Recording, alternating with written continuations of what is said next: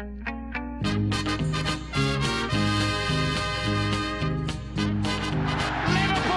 are champions of Europe again. Liverpool are prize winners again. Liverpool is in the record books.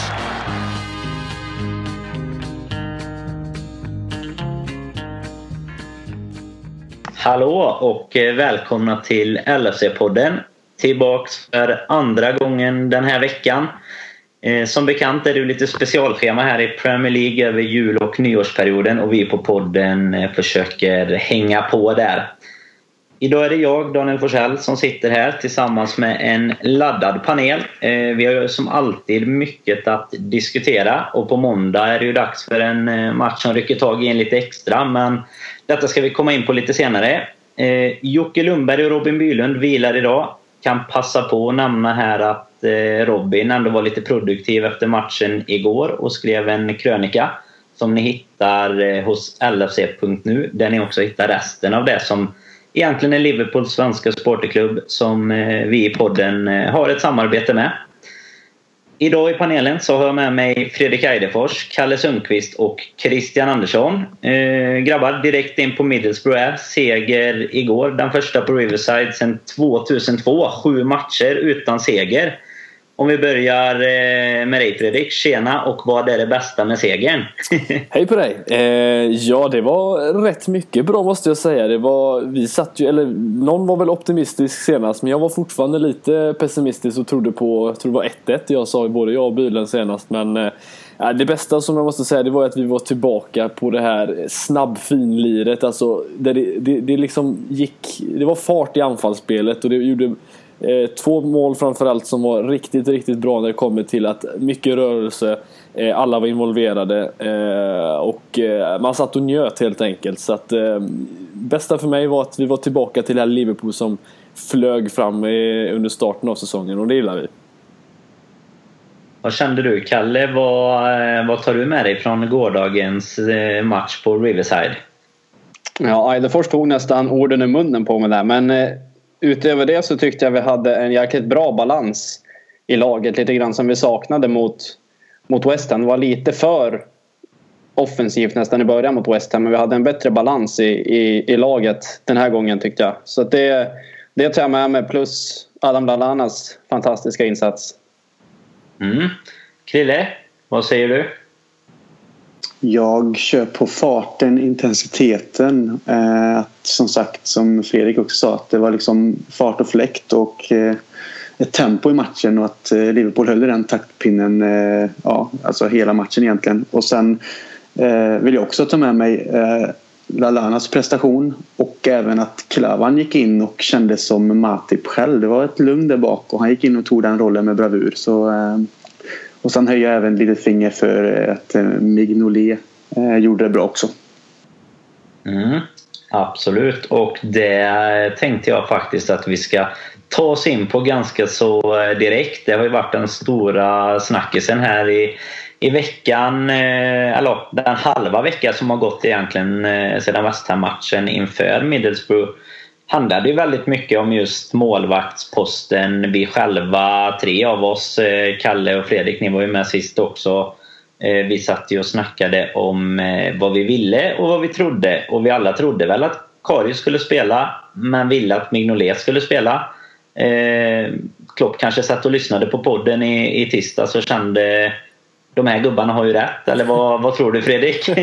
Ja, vi vet ju att han lyssnar. Det känns som vi har rätt alldeles för ofta här. Nej, men det var, det var precis som du sa. Att det, det, ibland har man ju suttit här och fått frågan hur vill du att Liverpool ska ställa upp och så och så. Men så tänker man att ja, men man får inte gå på vad man, eh, vad man vill utan måste gå på vad man egentligen tror. Och i detta fallet så var det precis så som du sa. att man eh, eh, jag tror vi behövde någon form av liten reaktion som, eh, och det fick vi ju. Det var ju lite eh, höjda ögonbryn som skedde liksom på de sociala medierna när man fick nyheten. Men det var ju, det var ju något nytt vi behövde. Liksom en, en liten reaktion från laget och liksom, ja, det var precis det vi fick. Så att jag tyckte att det passade alldeles utmärkt att få detta bytet gjort. Eh, vad tyckte du där Krille? Eh, vad sände det liksom för signaler? Eh, Alla trodde ju nästan som sagt där då att, att Karius skulle spela och det kom ju även lite eh, inside-journalistik eh, som eh, vi bland annat, bland annat hade uppe på supporterklubbens hemsida om att Karius var, var mannen för uppdraget. Vad, vad säger du om Klopps, ska man kalla det fingertoppskänsla eller vad tror du att det enbart beror på att det som vi alla andra har tyckt att det kanske har gått lite knackigt för Karius eller är det lite att det kommer vara mycket matchande nu eller vad, vad kan vi vänta oss framåt här, eh, tror du Krille? Jag tror att det är 50-50 eh, match. Alltså om man ser till hans ingripanden i matchen mot Bournemouth och West Ham.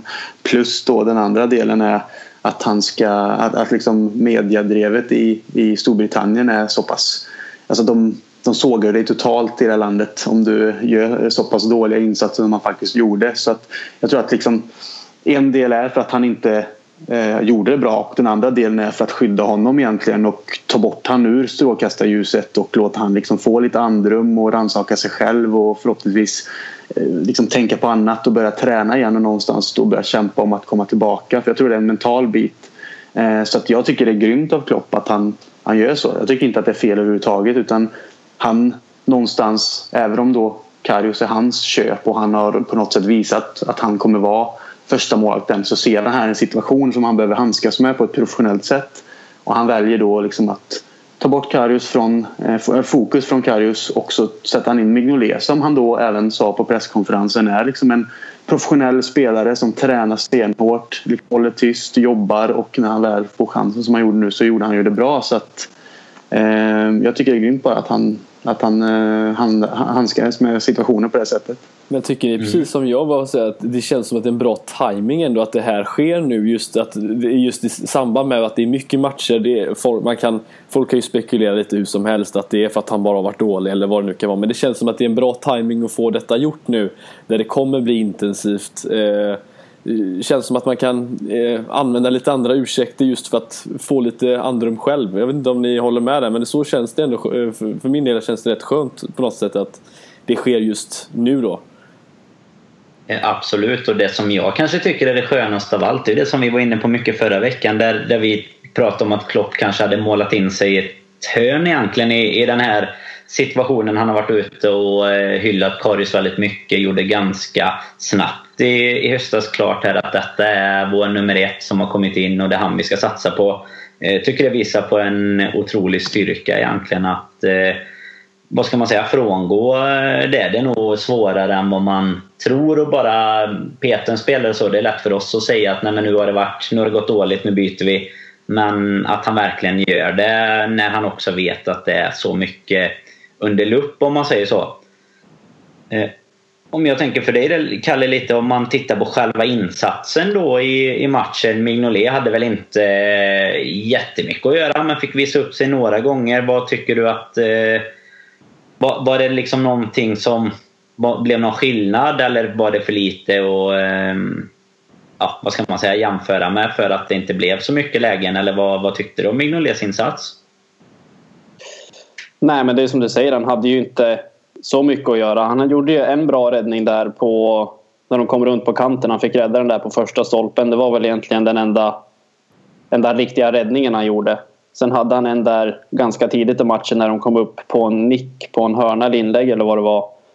Där de inte fick riktigt kraft i avslutet. Så han hade ju inte han hade inte jättemycket att göra men det känns ändå tryggt att han kommer in och, och håller nollan efter en, en tid utanför, utanför planen. Så det var väl ett styrkebesked tycker jag. Mm.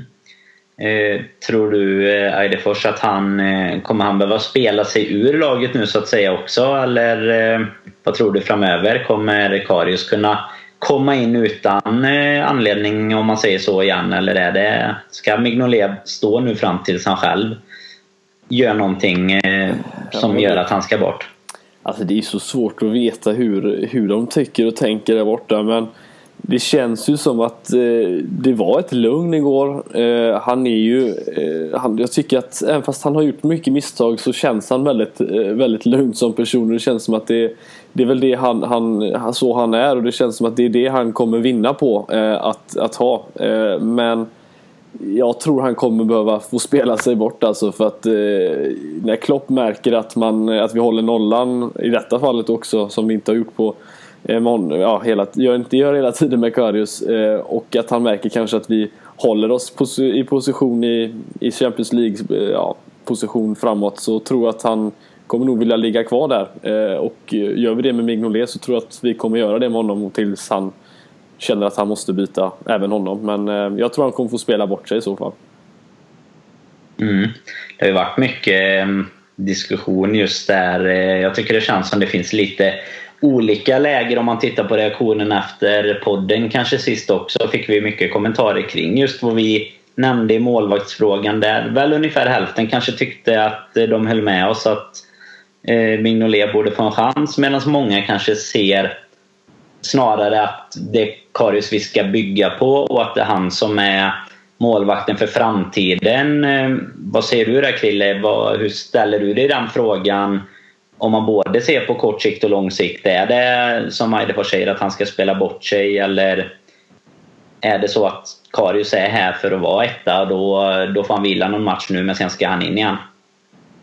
Jag känner väl spontant att eh, Mignolet måste spela bort sig i så fall. För det vore väldigt konstigt om han nu då får komma in och han, han, gör det ju det han, får, det han har att göra i matchen mot Middlesbrough gör han ju bra. Det är ju den räddningen då på närmsta stolpen och sen eh, som Kalle säger så är det ju den här nicken som han faktiskt måste fånga så, vilket han gör annars är det en retur och då är ju eh, eh Negredo där och då, då är det ju antagligen mål. Så att han håller ju den bollen även om det är en jättesvår situation så visar han ändå liksom stabilitet. Det känns som att han ingav en viss pondus. Det kändes som att han ville mycket och visa liksom att han att han kan styra och ställa och vara, vara den där målvakten som inger ett lugn i hela laget egentligen. Och den känslan fick jag ändå av honom efter de ingripanden. Det, det kändes bra. Eh, men sen tycker jag ju liksom att det, det, det vore konstigt om han inte skulle få fortsatt förtroende eh, efter, efter matchen med Middlesbrough. Det känns väl ändå skönt att han eh, antagligen, som jag tror, kommer stå i, i derbyt. För jag tror att det är jättebra att ta bort fokus från Karius nu och låta han träna lite och bara komma tillbaka. Men i det långa loppet så tror jag absolut att Klopp se Karius som första målvakt. Men eftersom det har blivit den situationen som det nu har blivit. Han har svajat och jag har släppt in mål.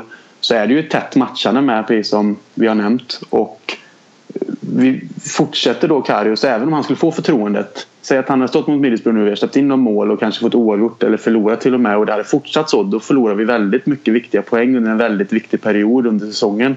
Så därför tror jag också Klopp att tänka att vi behöver göra en förändring för att se liksom, kan det förbättras. Och Mignolet bevisar väl det och jag tror att det vore konstigt om han ändå då inte får fortsätta den vägen tills han själv då kanske sjabblar. Och vi får hoppas att det inte blir så. Men eh, Ja, det är en lite konstig situation. Men jag tror att han gör rätt i, i det han gör. Att ta bort Karius, satsa på Mignolet och så hoppas att det liksom visar sig gå uppåt och framåt. Och så får helt enkelt Karius kämpa sig tillbaka och bevisa att han ska få chansen igen när den väl dyker upp.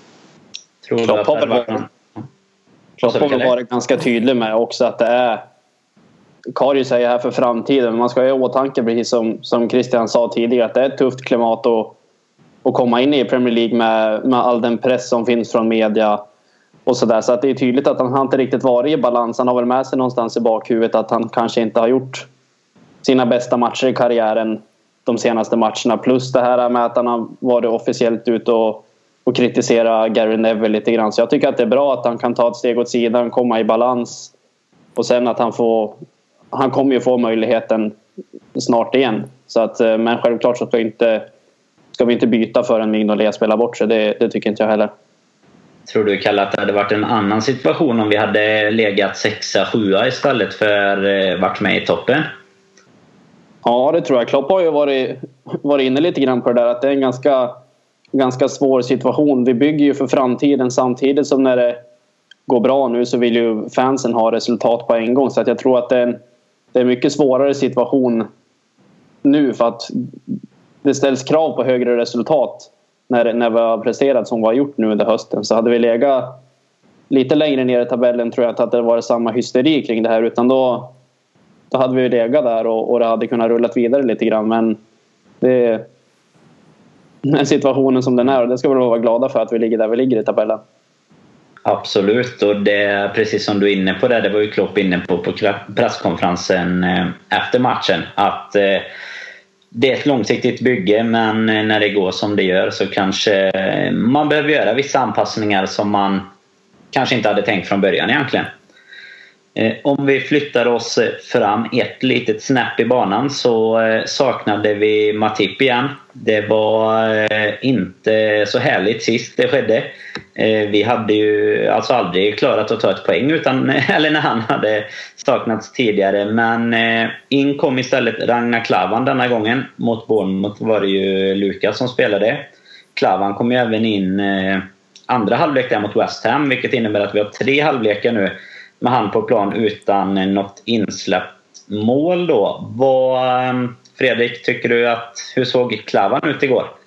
Eh, nej men det är som du sa, han såg lugn ut. Eh, jag var ju, måste ju säga att jag var ute och eh, gav honom, inte en känga ska jag säga, men nästan så att jag föredrog Lukas i vissa fall eh, för att jag tyckte att Klavan inte har imponerat mig. Men det har han inte gjort eh, på samma, eller har han inte egentligen gjort heller men fortsätter han så här så får han gärna imponera på mig mer för att det var, det var som, som du sa där bekvämt och lugnt och gjorde det han skulle göra och inget mer egentligen. Och det är ju en mittback i grund och botten också som vi inte får glömma så att han eh, han, han har ju det tänket. Eh, och nej, jag, han skötte, skötte sig alldeles utmärkt och hoppas verkligen att han kommer få eh, fler chanser om han fortsätter så här. Krille, tror du att han eh, spelar sig närmare en startplats eller är Matip och Lovren givna när det, om alla är friska?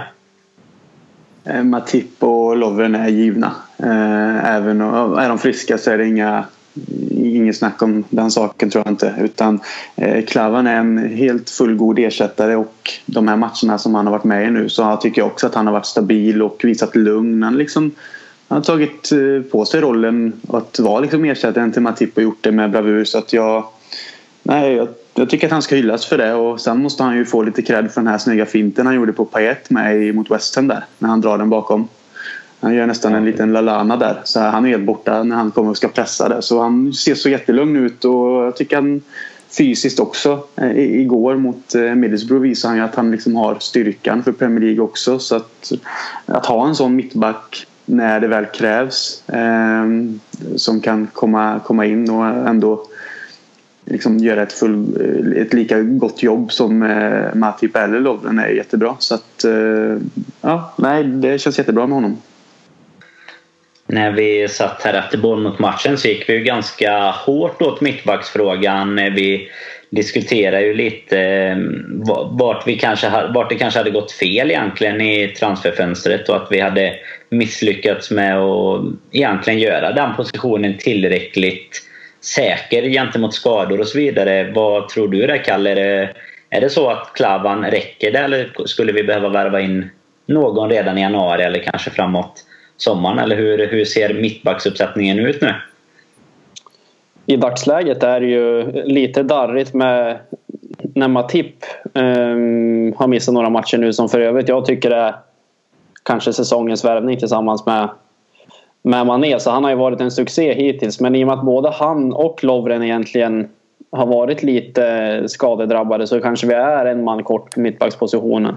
Um, det berörde vi lite grann tidigare i, i somras också. Men eh, eh ja, lite tunt är det på den biten beroende på hur man ser Lukas. Han, det är väl en spelare som kan gå in och göra jobbet men inte, inte om vi slåss om de positionerna vi, vi är i nu i tabellen. Så att det skulle nog behövas en man till där. Vad tror vi om Joe Gomez nu då? Han var ju, eh, reste ju med laget. Visst vi satt han ju bara på läktaren så sett men han var ändå med första laget. Tror, du, tror ni han har en chans att spelas in nu eller kommer han bara liksom så här jätteförsiktigt få testa på lite nu när han, i och med att han har varit borta så mycket? Klopp har väl varit ganska tydlig med att han, han är 100% en, en, en spelare för truppen. Sen har han ju mer eller mindre sagt nej till att han inte ska bli utlånad för då kommer han få spela för mycket. eh, och att han drar upp, dra upp skadan igen. Så att jag, han kommer ju helt klart spela men jag tror inte att han kommer spela så himla mycket om man säger så. Det, annars hade han ju kanske kunnat gått ut på lån. Så att ja, helt klart kommer han få speltid. Han har gjort det bra nu när han har spelat med U23 också. För jäklar vad han har lagt på sig muskler alltså. Jag, inte, jag såg någon, eh, det var någon match senast, någon U23, jag såg någon bild på honom. Han känns som att han har lagt på sig ordentligt med muskler och verkligen hade ju passat perfekt in i vårat... Han är ju snabb också för den delen så det känns som en modern mittback vi kanske kan komma ha nytta av och det hoppas vi verkligen att eh, han får hålla sig frisk.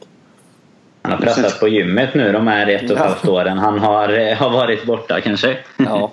Det känns skönt ändå att ha honom där om vi tänker nu att eh, vi har ju som ni sa att Matip och Lovren har haft lite skavanker och Klavan ändå kommer in och gör det bra så är det ändå skönt att ha en, eh, en ung hungrig eh, Joe Gomez att ändå kunna använda att han är frisk med att han liksom får tid på sig att komma in i tempo igen och liksom verkligen se till att han eh, att, att liksom skadan är läkt och att han har rehabat och som ni säger byggt muskler för att liksom förebygga skador också. Men att han faktiskt finns där och säkert skulle kunna komma in och, och liksom spela en match om det så krävs. Om det är skador så är det skönt att veta att det är en, en ung kille med talang som ändå kan använda sig av den rollen. För han är verkligen, måste säga att inte bara, det känns som att en, vad var det Charlton han kommer ifrån? Eh, det känns som att en, en, spelare, jag vet inte hur, hur, gammal, hur gammal är han nu? 18, 19 är han, han har fyllt 19 kanske. Eh, ja, att, att en spelare som han liksom ska få uppmärksamhet från ja, andra länder. Jag vet att han var väl med i typ Marcas eller Marchas eller vad man uttalar deras. Den här spanska tidningen. Han var med i någon sån här Best Under 18 11 och det känns som att det verkligen fått upp ögonen för honom. Då måste man ju verkligen vara exceptionellt bra om man ska hamna där.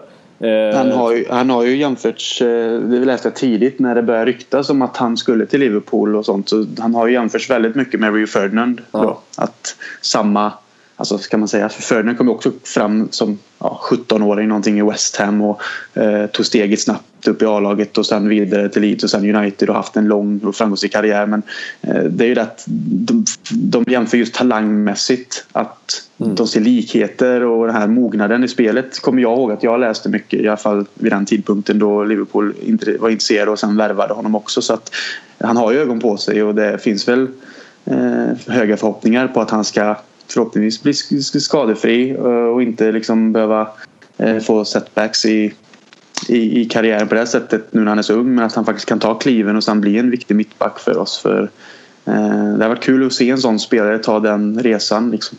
Han spelade väl vänsterback innan han blev skadad för oss de gångerna han fick spela va? Var det inte så? Ja det gjorde han. Han, han petade väl eh, faktiskt. Var det Moreno va? Ja det var någon petade han i alla fall. För jag kommer ihåg han, vi mötte ju Arsenal var väl en av hans, eh, var det hans första match kanske?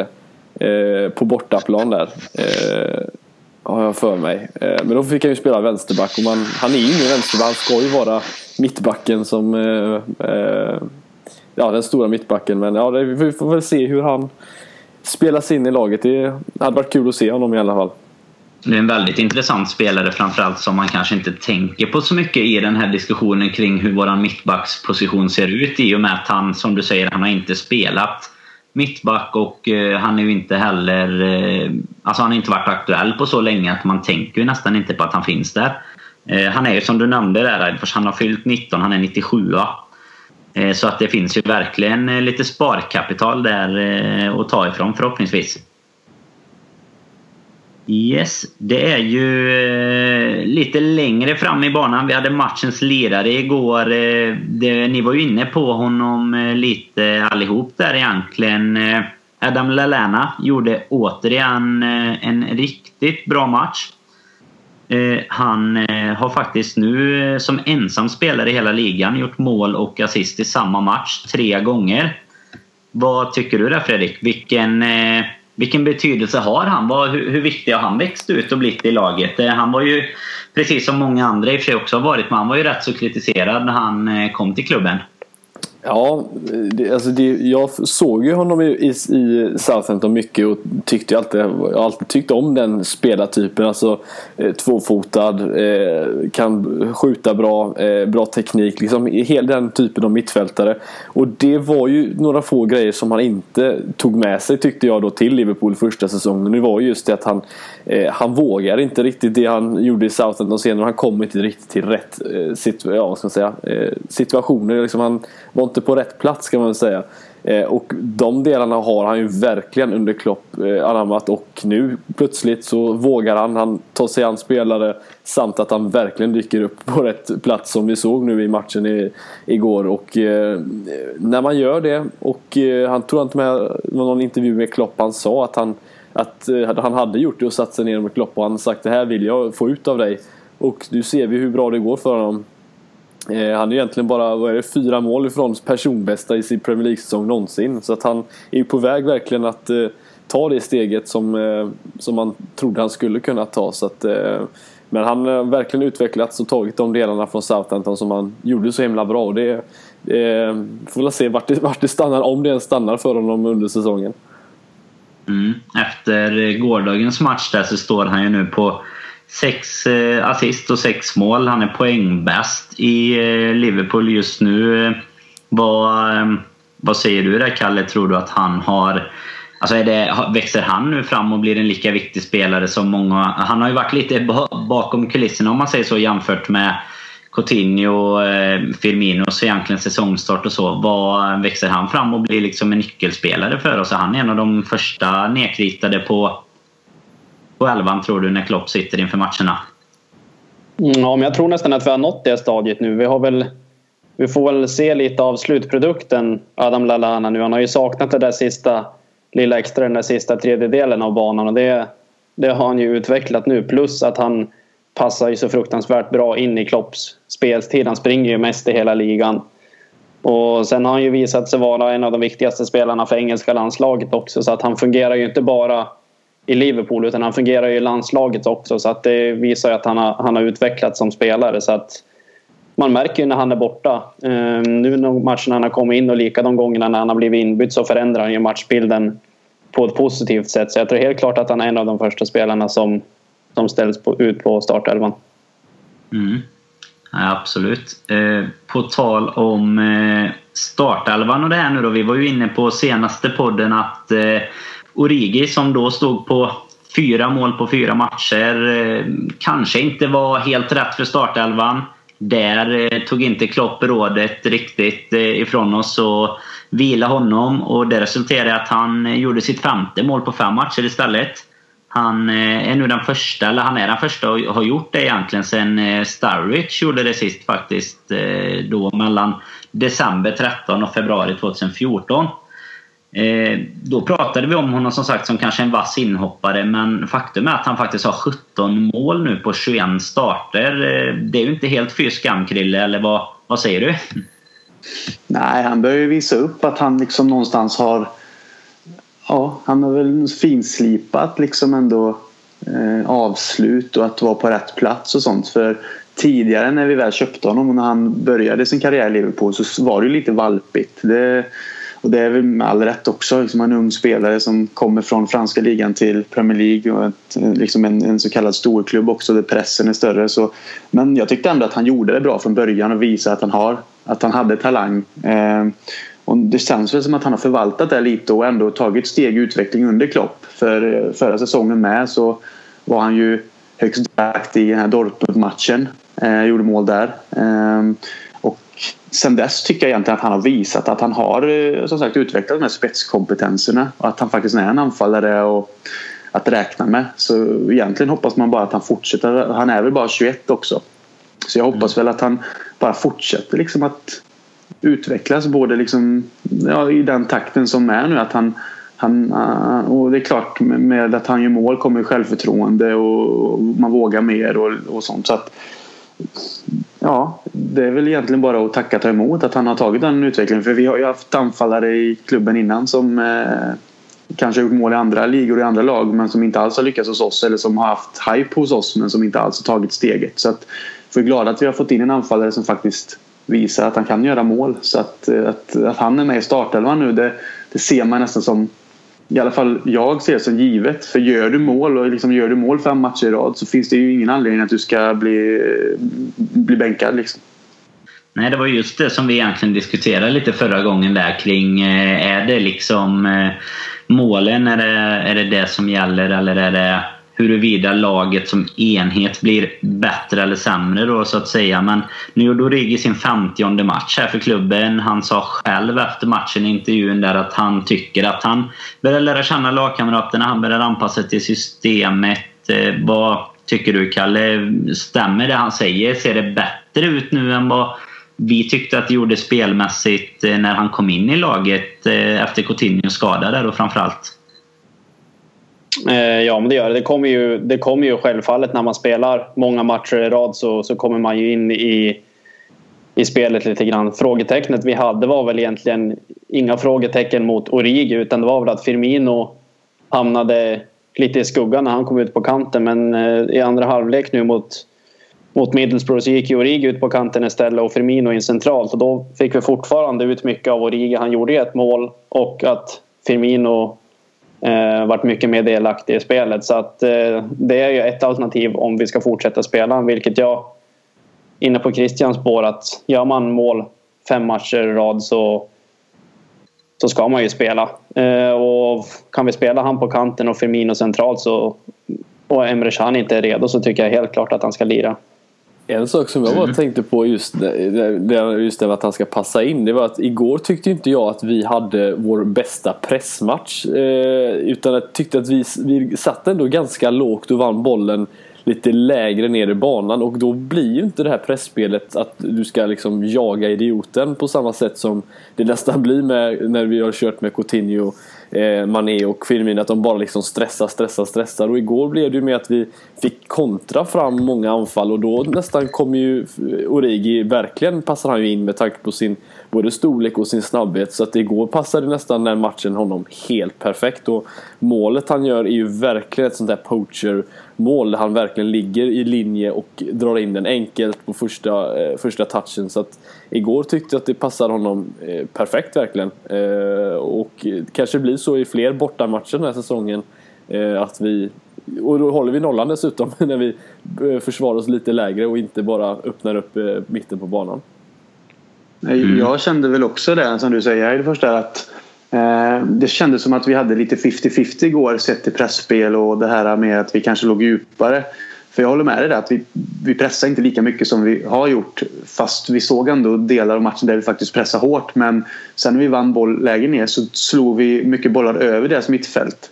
Ehm, och då kom han ju faktiskt mycket i sin, i rätt, i, sin rätt tycker jag, Origi. Sen tycker väl jag också så att de, när de ändrade så att Firmino gick upp centralt längst upp och Origi gick ut på kanten. Att det kan man ju också anpassa ut efter motstånd om man är med i startelvan. Det, liksom, de byter position hela tiden men det kan ju förhoppningsvis liksom, eh, Klopp och manskap på bänken se att det behövs en sån förändring för att testa. Det kan ju vara så att vi behöver Origis fysik för, för att backarna är mer större och fysiska.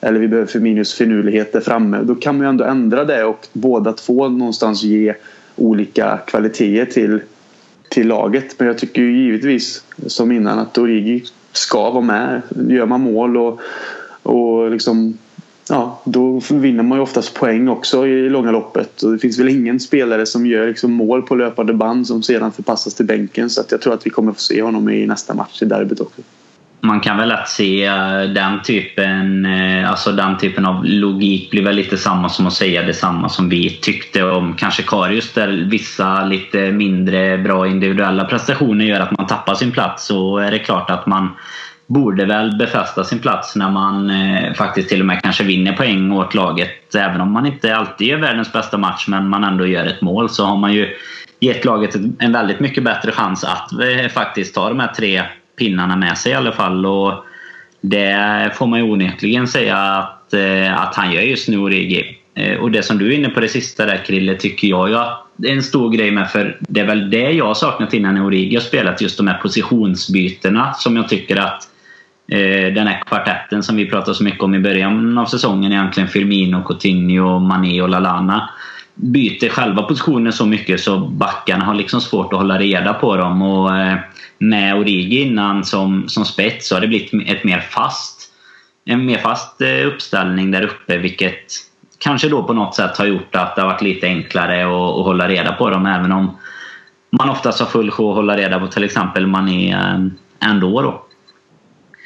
Vi eh, var ju inne lite innan på Klopps presskonferens. Jag tänkte vi ska bara kort nämna några bitar där eh, för att avsluta lite den här matchen. Vi har ju som sagt lite att snacka upp sen också.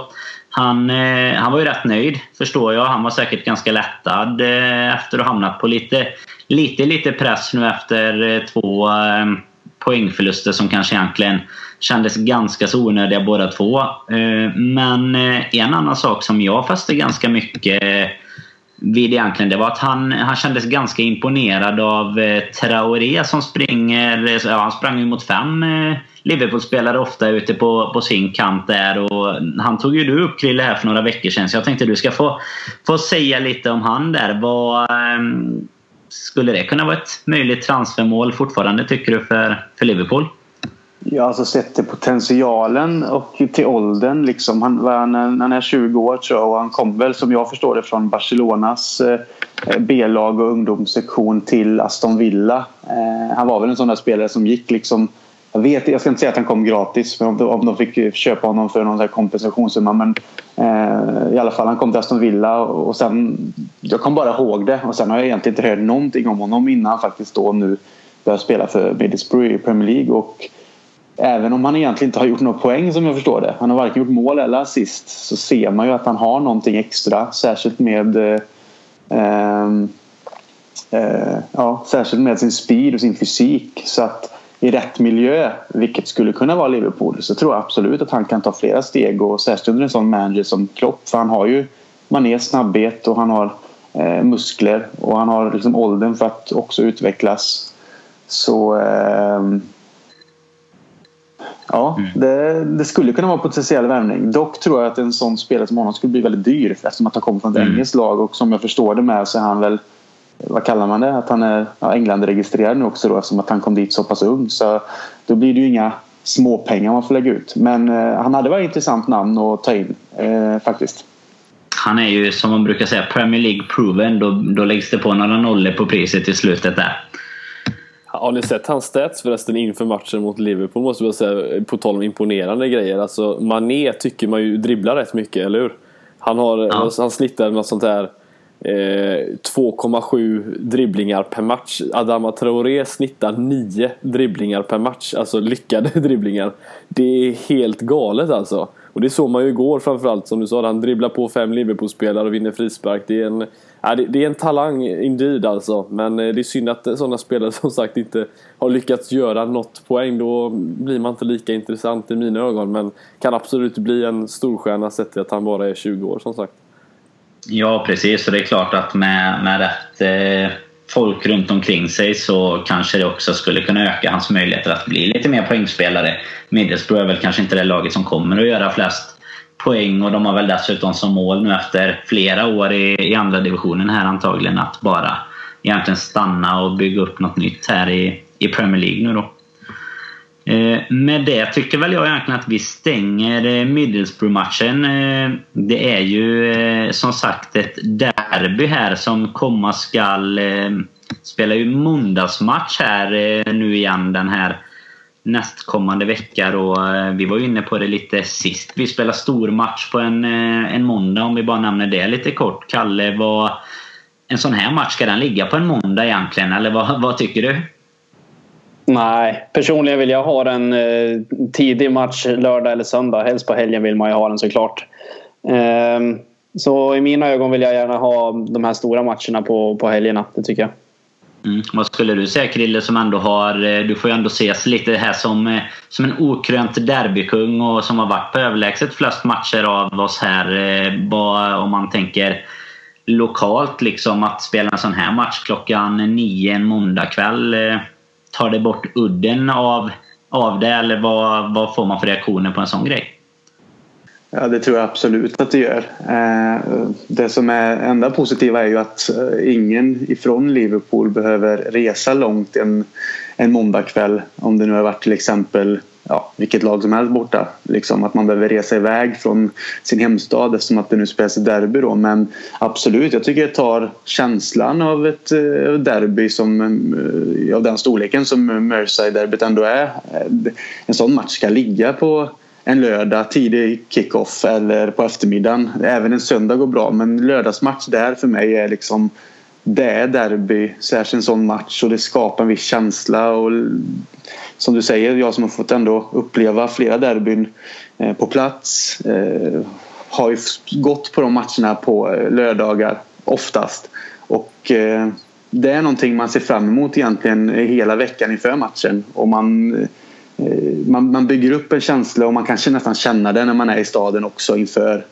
och så. så att jag tycker att lägga en sån här match bara för TV tv-bolagens skull på en måndagkväll känns egentligen uruselt. Det, det förstör mycket känslan för mig personligen och det drar ner jättemycket, som du säger, udden på den matchen tyvärr.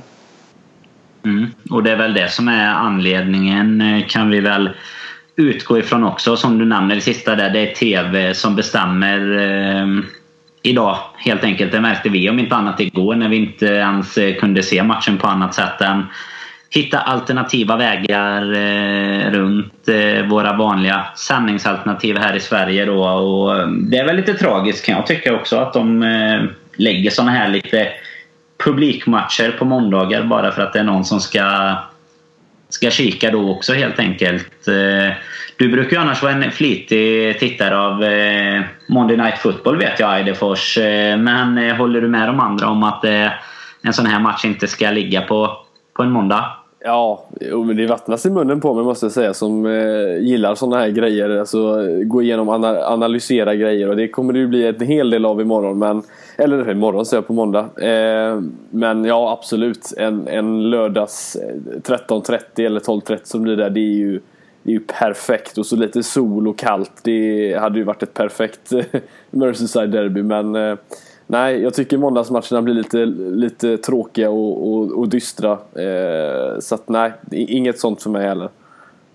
Nej, det är ju eh, 227 derbyt i ordningen om jag har eh, my facts straight här. Eh, det är ju en eh, av eh, de absolut största matcherna vet jag för eh, både oss Liverpool-fans men givetvis lokalbefolkningen och så. Men vad tror ni, hur stor är den här matchen om man tänker, det är ju inte just nu Englands två bästa klubbar som möts. Vi har andra matcher som har varit växt fram till tuffare nästan derbykänslor under de senaste åren eh, mot framförallt United då, men vi har ju matcher mot Chelsea som vi har mött extremt många gånger och liknande med. Vad, vad tror du där Fredrik? Eh, hur, hur, stor är matchen egentligen om man säger i dignitet i fotbolls-Europa?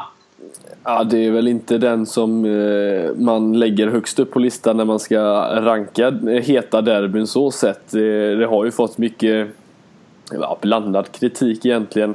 Eh, positivt och negativt för att eh, det derbyt är att det, det är det Flenny Derby ibland och att det ibland kan eh, ja, täppa till ordentligt. Men nej, det är inte den hetaste matchen. Jag tycker fortfarande att det pirrar mer mot eh, de andra lagen som Arsenal, Chelsea United än vad det gör den här. Men det är klart att alltid eh, veta att vi, vi på senare år i alla fall varit bra mot Everton. Det, det känns ju bra i alla fall.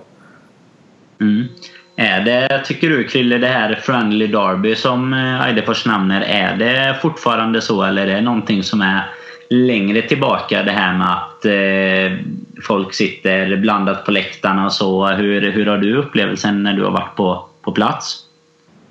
Jag tycker väl ändå att eh, benämningen The Friendly Derby är, ligger lite mer bakåt i tiden kanske och just nu är det väl liksom upp och ner lite. Men för att dra det lite kort så eh, var det väl det förr.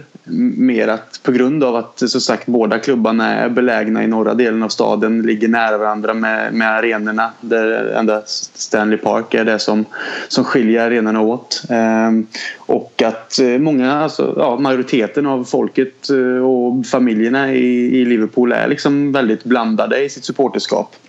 Inte alla såklart, men väldigt många. Och det är ju egentligen sen på 80-talet som det händer saker när eh, Hazel-katastrofen inträffar och eh, England förbjuds att ha lag med i Europaspelet och Everton är en storklubb då tillsammans med Liverpool under 80-talet i engelska ligan och det är väl egentligen deras chans där att få etablera sig ute i Europa. De har ett stort lag men förbjuds då att vara med och skyller det egentligen på Liverpool-huliganer. Och det var väl egentligen där som banden mellan fansen på något sätt brast.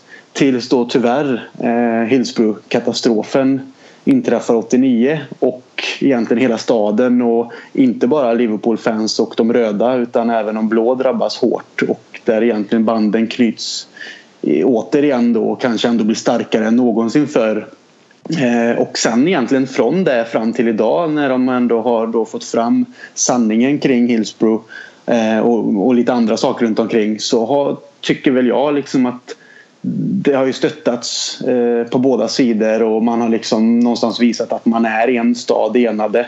Men jag har ju också en känsla av att de gånger jag har varit där så på plats på arenan vare sig det varit på Anfield eller Goodison så, så häcklas det ju eh, rejält eh, och är väl egentligen närmast hat. Men det är just på arenan. Sen efter, före och efter matchen så har jag ju sett mycket blandat folk med rött och blått och som går tillsammans eh, över Stanley Park och, och även sitter på pubbarna och sånt. Så att, eh, det är vänskapligt men det finns, det finns ett litet agg där från de här händelserna. Eh, både där det har blivit brustit rejält och sen då där det har någonstans blivit fint och vackert igen då. Och det är väl tragiskt att det ska behöva inträffa sådana eh, katastrofer för att det ska ske men det är ju så det har varit. Men eh, jag vet inte. Jag har ju som sagt eh, lite vänner i Liverpool med och jag vet att vissa av dem ser det som den största matchen på säsongen större än, än mot United.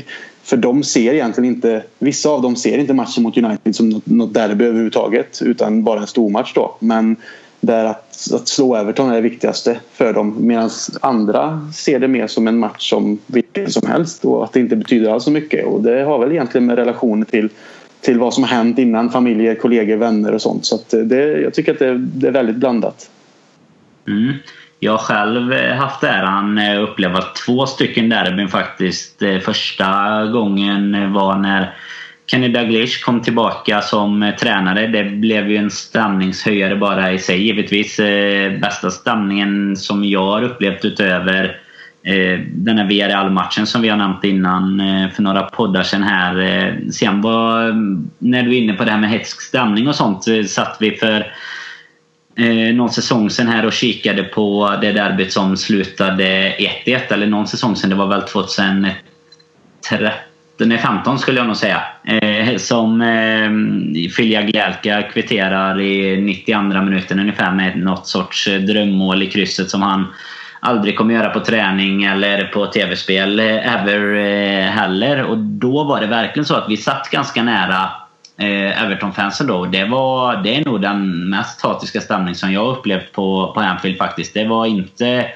några, några polare som stod eh, jämte varandra däremellan kan jag säga. Men det kan ju också vara isolerat till själva klackarna om man säger jämfört med hur blandat det är kanske på långsidor och så vidare.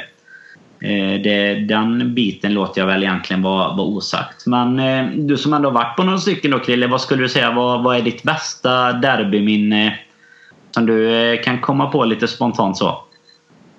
Eh, oh, rakt av är det väl egentligen Gerards hattrick eh, mot Everton. Eh, 2012 va? Eh, om jag inte är helt borta. Mm. Eh, och det är väl vinst också på Goodison eh, när både Suarez och Carroll gör mål tror jag.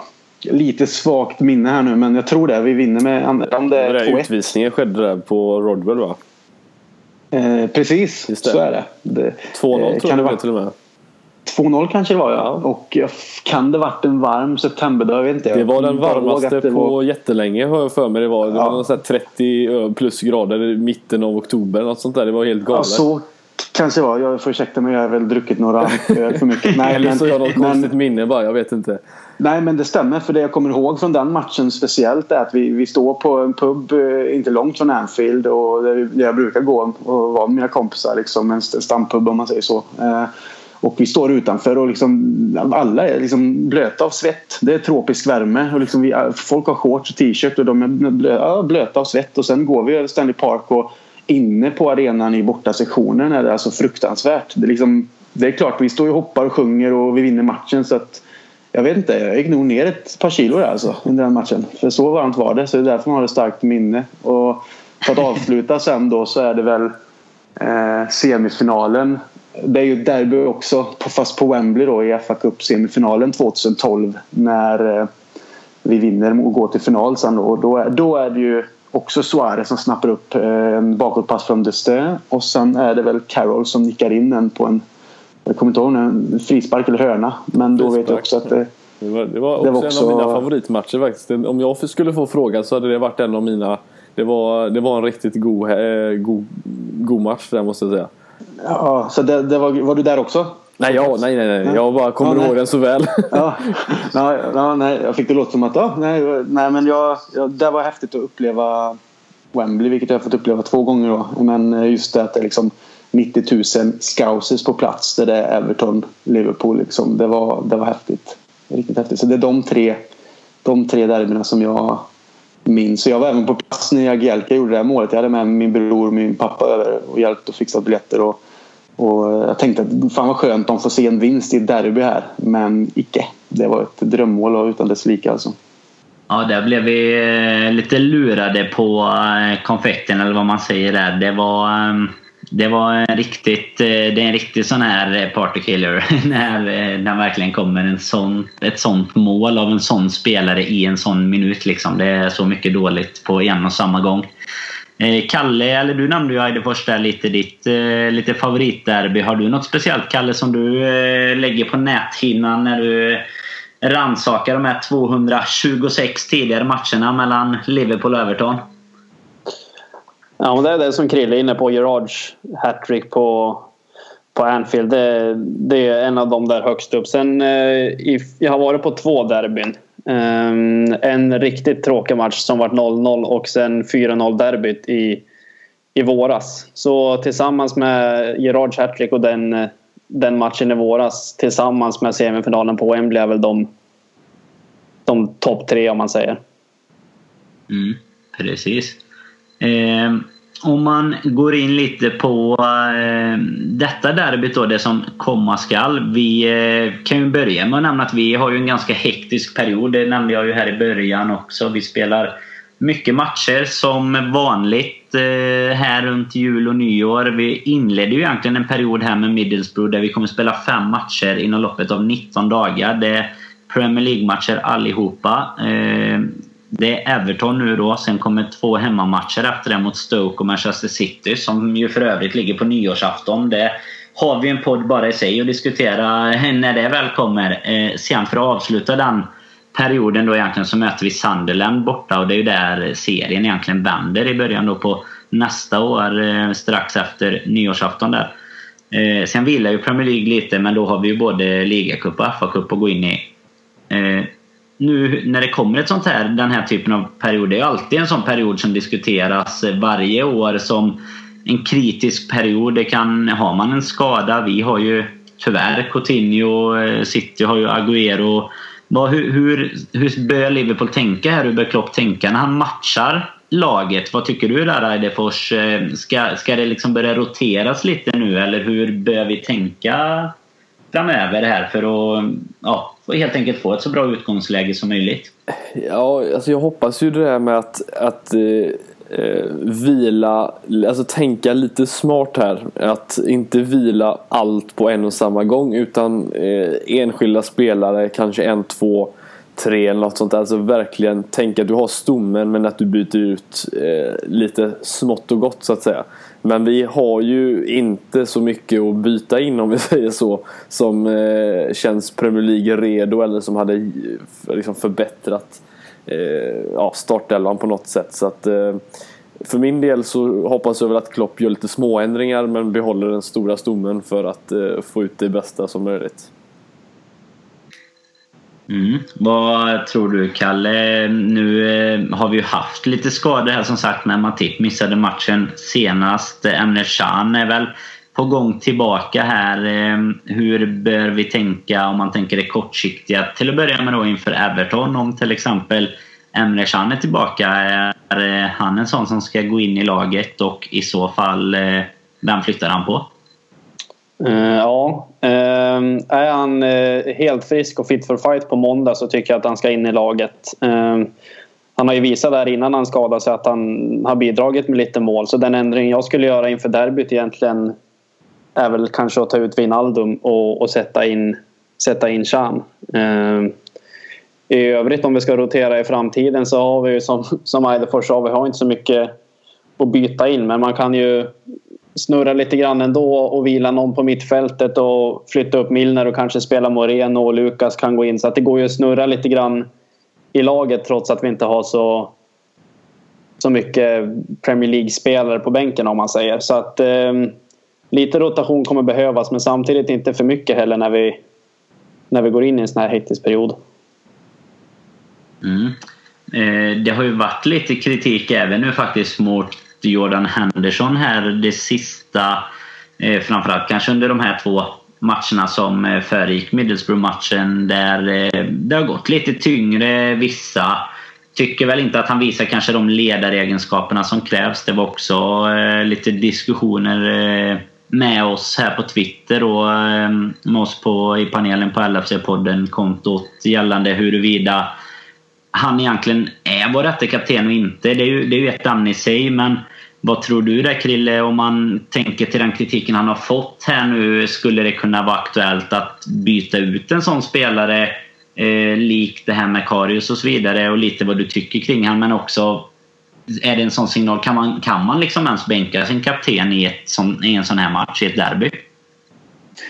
Kan kan man väl men jag står väl bakom att han, eh, att Henderson ska spela. Han är ändå kapten och nu är inte jag en sån eh, statistiknörd direkt. Jag är inte alls så mycket för siffror men som det ser ut så är han ju den mittfältaren i Premier League med sitt passningsspel både liksom i flest passningar och flest passningar framåt och allt som jag har förstått i alla fall så är han ju den som har, har, har högst statistik och ligger i topp. Och eh, ja, jag vet inte. Han, jag, jag tycker att han ändå jag tycker att han leder helt okej. Okay. han, är han är ingen Carragher som skriker upp. Han, han försöker väl ta efter mer Gerard genom att visa genom att spela. Men han har ju en roll nu också där han inte riktigt går framåt på samma sätt som vi har sett han göra i tidigare säsonger. Eh, när han spelade till exempel den 13-14 så var han ju eh, mer liksom box to box och gjorde en del mål och var mer involverad i spelet längre fram. Han kommer ju till avslut nu med. Han hade ju en mot Western där som skulle kunna bli ett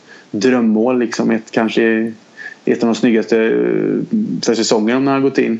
Eh, men alltså jag tycker han gör det helt okej. Okay. Jag tycker absolut att han ska spela. Jag tycker inte att det finns någon anledning att bänka honom om det inte är så att han faktiskt känner sig sliten och att det är något sånt. Så tycker jag, tycker jag inte det. För det, det skulle ge fel signaler kanske till hela laget också. Jag tycker vi bara ska fortsätta bygga på det och egentligen är jag väl i så fall inne på samma spår som Kalle. Att är det någon som eh, ska komma in i laget om han är fit for fight så är det Chan. För han har ändå gjort några mål innan. Han är fysiskt eh, liksom monster på det här sättet. Springer också mycket.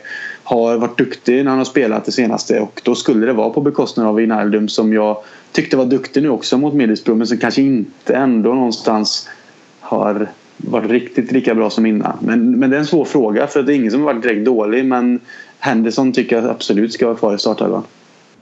Mm. Och det, jag kan fylla i lite där som du sa med, med statistiken. Det är faktiskt så att han har slått eh, mer än 30% mer passningar än den eh, spelare, det Kanté som ligger tvåa i den statistiken i Premier League. Henderson närmar sig 1500 passningar och Kanté ligger strax över 1000 passningar. Så passar gör han eh, definitivt och det var väl lite det vi var inne på innan tycker jag, det du sa med skottet mot West Ham. Hade den gått in istället då är det ju en sån eh, sak som kanske hade gett oss tre pinnar och då kanske man istället hade kritat Henderson som den mest givna. Då hade han nog sluppit utstå mycket av det, den kritiken som har kommit även om den inte har varit eh, mördande på något sätt. Men eh, det har väl väckt lite frågor eh, särskilt nu kan jag tro när Wijnaldum har spelat så pass bra dessutom och, och många eh, tillsammans med flera av oss tror jag vill ju att Emre Can ska ha en plats i startelvan också.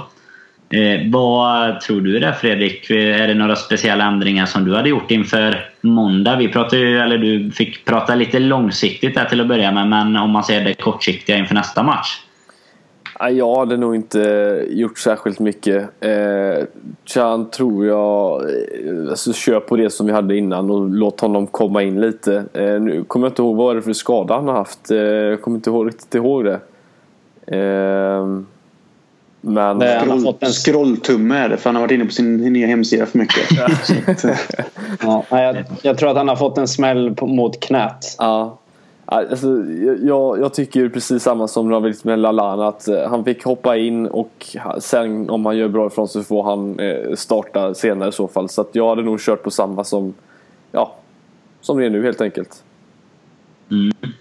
Uh, nej, och det är väl lite som uh, du är inne på, som jag tänker i alla fall, att vi uh, faktiskt gjorde, tycker jag, en så pass bra match igår att jag skulle nog spelat med samma lag här till att börja med i alla fall i och med att det som sagt då inte är någon match i alla fall mer under nästa vecka innan jul där utan det allra tätaste spelandet är ju direkt efter jul och så kring nyår då.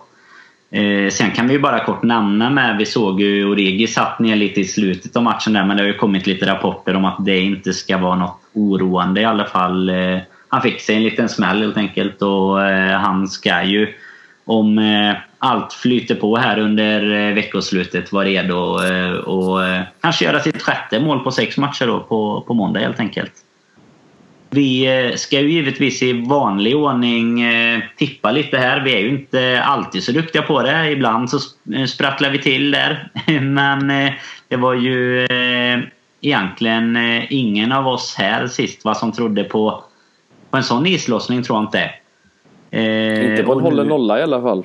Nej. Jo då. Ja, det var det en vi hade kanske. Det var du som trodde det. Ja, men jag, jag 2-0. 2-0 hade 2-0. du. Det var ju inte tillräckligt nära. Nej. Men det får vi, det får, det får vi absolut säga. Med, med vår eh, statistik bakåt så är det, är det nästan som en seger faktiskt.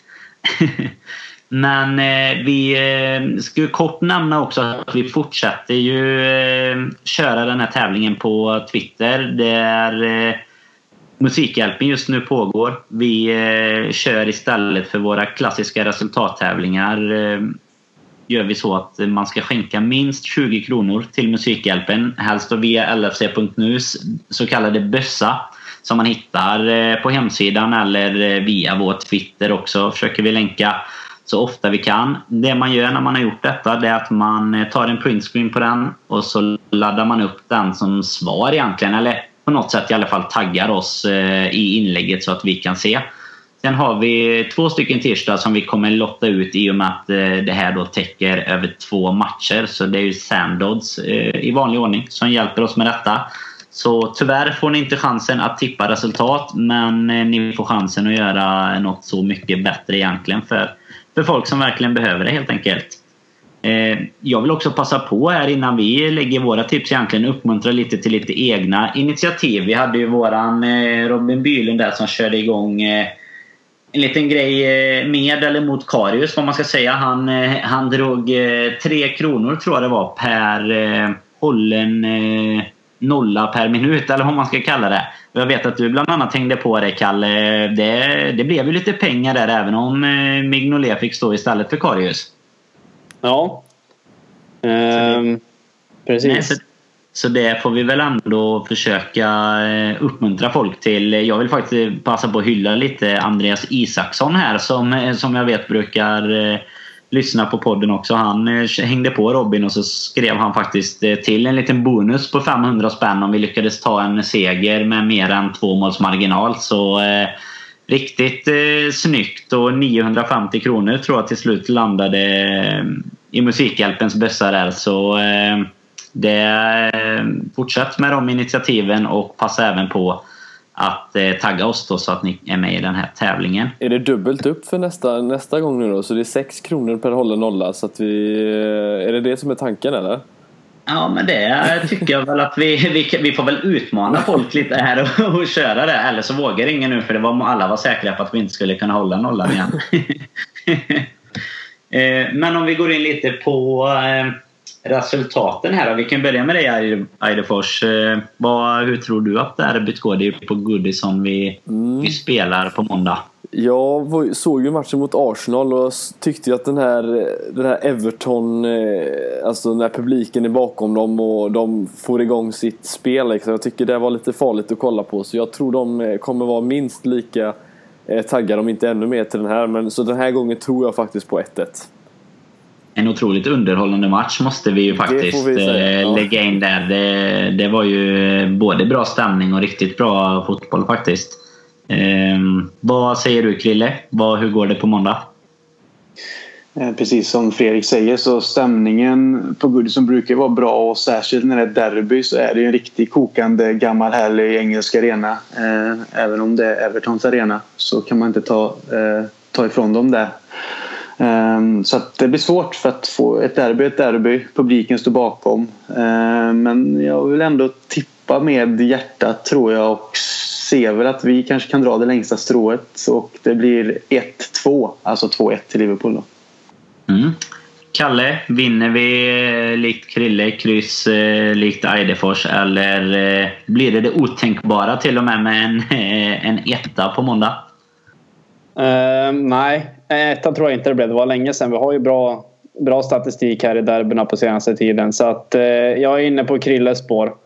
Ehm, um, Jagielka skadad där också så att vi kanske inte får se några drömmål. Men eh, eh, uh, 3-1 Liverpool säger jag. Mm. Eh, jag kommer att tänka på nu det först att du tippade ju faktiskt 1-1 eh, sist med va? Så det kanske du försöker göra en liten sån anti-jinx här att det ska bli 3-0 den här gången också. Ja, jag sa faktiskt det var exakt det jag sa. Jag sa att jag vill att det ska bli något helt annat men jag hoppas att de överraskar mig positivt så att eh, det får de gärna göra igen. Mm. Jag är väl faktiskt eh, inne lite på ditt spår. Jag tror att det kommer bli rätt tufft. Jag satt och kikade på matchen mot Arsenal med och tyckte att eh, det ändå finns eh, delar som sprattlar till i Evertons spel som ser riktigt bra ut. Även om jag tycker att de har gjort mycket som varit mindre bra i, eller i början på säsongen kan vi inte säga nu längre heller. Utan de började väldigt bra men de senaste egentligen kanske tio matcherna. Så eh, jag får väl ändå eh, säga att jag tror kanske på en seger. Att vi får knåpa in 1-0 får jag väl säga då. Så håller vi nollan igen eh, dessutom. Det är väl egentligen det kring Everton-matchen. Nu kan vi inte säga att någon ska rygga oss här utan påminner återigen om att tävlingen utgår till förmån för Musikhjälpen här att LFC-podden är det som gäller när ni går in på Twitter och eh, lägger upp era printscreen eller om det är så att ni vill till exempel eh, interagera lite med oss, ställa lite frågor eller tips på vad ni vill höra i nästa avsnitt till exempel. Nu eh, närmar vi oss slutet lite här grabbar, men jag tänkte vi ska ta upp en grej till som ligger lite utanför eh, de här matcherna egentligen. Vi, eh, det var egentligen innan matchen igår som jag fick syn på det i alla fall. Då hade det varit några timmar sedan det här kom. Men det som jag egentligen vill snacka lite om det är våran ägare här, John Henry. Var ute på Twitter och har väl en gång för alla. Vi har ju pratat lite om en försäljning här ända egentligen. Det var väl först i somras vi började ta upp det. Lite hur vi tyckte att man ska gå vidare kring en försäljning och så. Och igår då så kom eh, Ian Abrahams från eh, Talksport gick ut och sa att eh, hans källor säger att eh, LFCs eh, takeover eller försäljning kommer att ske innan jul och eh, förmodligen eh, innan veckan är slut. Då dröjde det inte så länge när John Henry gick ut och sa att eh, det var bra att dina, kross, eller dina källor blir krossade så pass snart. Det brukar ju ta lite längre tid än så. Vad, eh, vad säger vi där Eidefors? Eh, en ägare som går ut och visar vart skåpet ska stå eller vad ska man kalla det? Ja, alltså det, det, finns ju vissa som kanske skämmer ut sig på något sätt eh, och kan göra det på något fult sätt. Men jag tycker ändå att han, han gör det med glimten i ögat och det det är skönt att man får se att de eh, odödliga, även de, är med och eh, interagerar. Så att, eh, nej, jag tycker det bara är roligt egentligen att, eh, att vi har en sån himla skön ägare. Och, men ingenting kommer ju slå tweeten om Arsenal eh, som han gjorde för några år sedan. Den kommer för evigt vara den mest legendariska. Ja, jag tänkte komma in lite på det nästan. Det, det slår väl inte riktigt det. Vad, vad tycker du Krille? Håller du med Eidefors och ha en ägare som är på, ändå på den nivån eh, högt upp i hierarkin om man säger så som ändå kan gå ut med både kanske lite humor blandat med seriositet. Eh, vad känner du? Är det, är det viktigt liksom för dig eller hur, hur tycker du att det speglar han och deras förhållande till klubben? Jag tycker att när det är befogat att ge en kommentar som i det här fallet så tycker jag att det absolut är bra att han gör det. För det är som du säger, han visar lite vad skåpet ska stå. Det är ett statement och liksom lugna liksom fans, eh, liksom fanskaran på det här sättet och att det inte kommer som liksom mer chockerande uppgifter på det här sättet. Det tycker jag är jättebra. Sen eh, tycker jag ju inte att de ska eh, kanske lägga sig i för mycket saker som diskuteras och det gör de ju inte heller. Så jag, jag tycker han håller på en jättebra nivå och, och tycker som sagt det är skönt när han svarar på saker som, som, som behövs besvaras. Eh, Eh, och som Eidefors sa med det just med Suarez situationen då för några säsonger sedan med Arsenal och där, så det var ju också bara härligt liksom att eh, säger man snärta Wenger på näsan lite och, och visa liksom att det, det är ingen lekstuga liksom utan det, det, är på allvar detta och så att det, det, det var kul tycker jag och att det inte, att det inte går till en eh, dum nivå men att han ändå visar att, eh, att han finns med i bilden och bryr sig. Mm. Precis, och det eh, är ju verkligen så att det, det är inte jätteofta som han går ut och mm, alltså twittrar eller ger eh, statements på det sättet eh, kring klubben. Men kan, håller du med dig Kalle om att det, när det väl är eh, befogat så är det, är det liksom en bra kanal att, han, att man ser att det faktiskt är han själv som går ut, i alla fall bakom sitt eget namn liksom och, och säger de här sakerna. Ja men det är klart, det som Krille var inne på nu. Det är väl två, två gånger egentligen han har varit, varit ute och snackat och det är ju som, som ni var inne på att man vill ju ha någon form av svar då och det har han ju det har han ju gett. Han är ju inte ute och snackar i onödan liksom och, och skriver massa tok. Så att han, jag tycker att han sköter det snyggt. Ingen Donald Trump kan man väl säga. Nej, det, det är lite skillnad. Ja. Sen har han väl fått lite kritik för att de inte är på Anfield så ofta som som fansen kanske skulle vilja. Han fick ju det som svar av den här killen som hade tweetat sen. Men man ska ha i åtanke att de äger ju ett baseballlag också. Så att eh, de har ju inte bara Liverpool att råda i. Så att det, det får man ju ha överseende med också. Ja, absolut. Och, eh, nej, det kan väl hålla med er om eh, där allihop egentligen. Jag kan väl tycka att eh, det är eh, ändå rätt starkt att gå ut. För det är ändå en, en ganska stor fråga. Vi har ju som sagt diskuterat den här innan också. Han, det, nu behöver man inte diskutera så mycket om man säger så. Eh, han eh, sätter ju punkt eh, för det ganska så solklart och, och lite med glimten i ögat också. Eh, men eh, som sagt kanske inte riktigt på lika höga nivå om han någonsin kommer dit igen som när han för några år sedan här, det var väl var det 2013 va, på sommaren som, som den Suarez-sagan var aktuell när vi fick ett bud där på 40 miljoner en pund var det va? Ja. Och han frågade vad, vad de röker där borta på Emirates. Det är, ja, det är fantastiskt. Fint. Eh, ja, det är fantastiskt bra faktiskt. Det är väl hans eh. fru egentligen, Linda Pizzuti eller vad, hur man nu uttalar det. är väl hon som sköter snacket lite mer egentligen kring klubben efter matcher och så här. Hon tweetar ju ganska mycket om resultat och när laget har vunnit och så här. Och han sköter ju mer. Han snackar när det behövs. Så det, det, är en bra kombination där. Båda engagerar sig. Mm. Nej, Som man och kvinna det... brukar vara helt enkelt. Precis. ja, precis. Det är själsfrände där som eh, de passar som handen i handsken med varandra. Eh, fantastiskt fint. Det är väl så här grabbar att det är egentligen det som vi eh, har här för idag. nu ser vi fram emot tre förhoppningsvis fräscha poäng när vi sitter här nästa gång. Då kommer vi sitta här på tisdag, snacka ner derbyt och allt här inför jul och nyårsmatcherna givetvis. Eh, tills dess får ni ha det så gott. Tack för att ni har lyssnat så hörs vi igen nästa vecka.